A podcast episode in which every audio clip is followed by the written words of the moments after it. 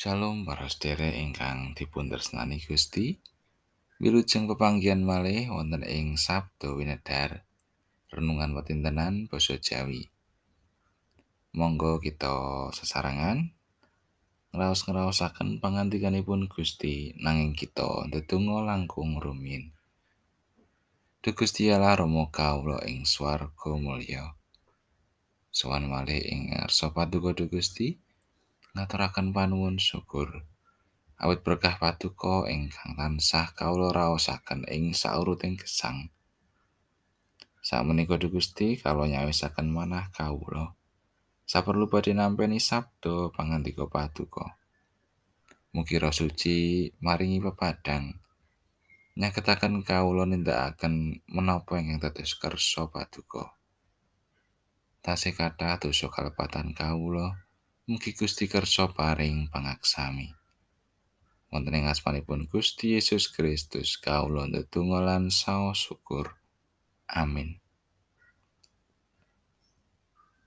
Maosan kapendet saking Injil Lukas bab kali likur ayat sekawan likur ngantos tigang dosa. Kacarita para sakabat iya padha diyodiniya bab panunggalane sapa kang bakal dianggep dhuwur dhewe. Gusti Yesus banjur ngendika marang wong-wong mau. Ratu-ratune para bangsa iku mrentah marang kawulane lan kang padha nguasane iku diarani pangayoman. Nanging kowe kabeh iku ora mangkono. Malah kang dhuwur dhewe ana ing antaramu iku dadi kaya kang anom dhewe lan kang dadi panuntun dadi kang lateni. Amarga sapa to kang luwih dhuwur? Kang linggih mangan apa kang lateni? Rak kang linggih mangan. Ananging aku iki ana ing tengah-tengahmu kaya dene kang lateni. Kowe kabeh iku kang tansah tetunggalan karo aku sajrone aku kena ing godha rencana. Sarta aku wis nyawisake kraton kanggo kowe kabeh. Kaya dene ramaku wis nyawisake marang aku supaya kowe padha bisa mangan lan ngombe tunggal sameja karo aku ana ing kratonku. Apa maneh kowe bakal padha linggih ing dampar lan ngadili talere Israel rolas?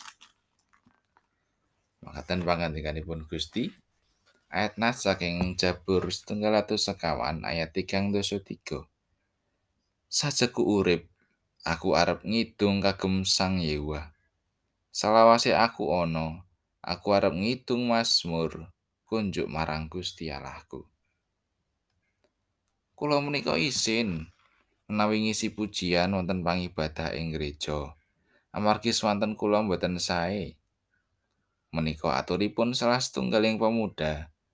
Nalika pemuda remaja kaaturan ngisi wonten ing pangibadah minggu.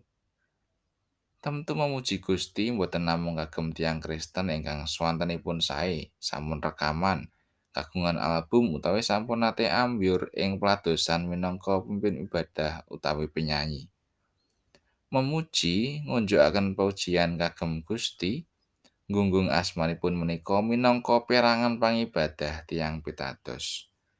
Ingkang kedah kandhakaken dening sinten kemawon tanpa winates ing umur utawi yuswa. Saya menika para lare kaneman diwasa menapa dene kasepuan. Awit saking menika saben tiyang pitados supados memuji-muji Gusti kanthi gumulunging manah.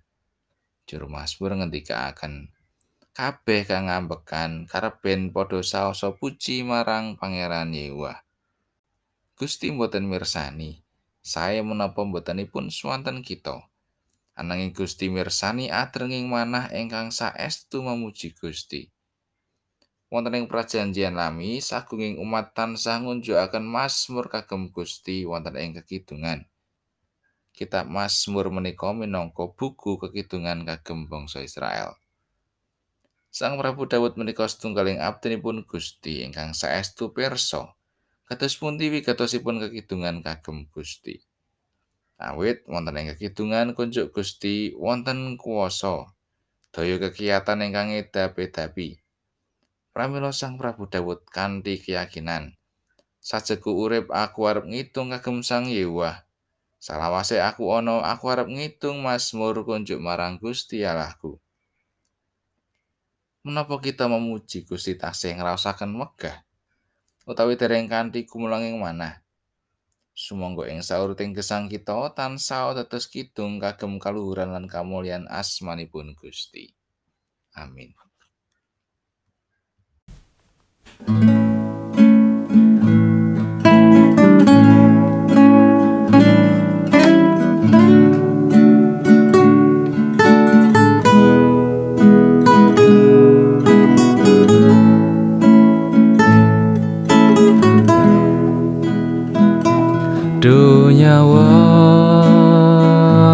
Ku asum ya oh Panggung umring Allah Sajaku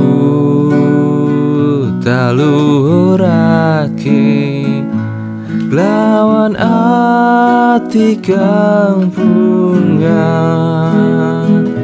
Sawase sinung puji lawan masmur Tak puji lawan masmur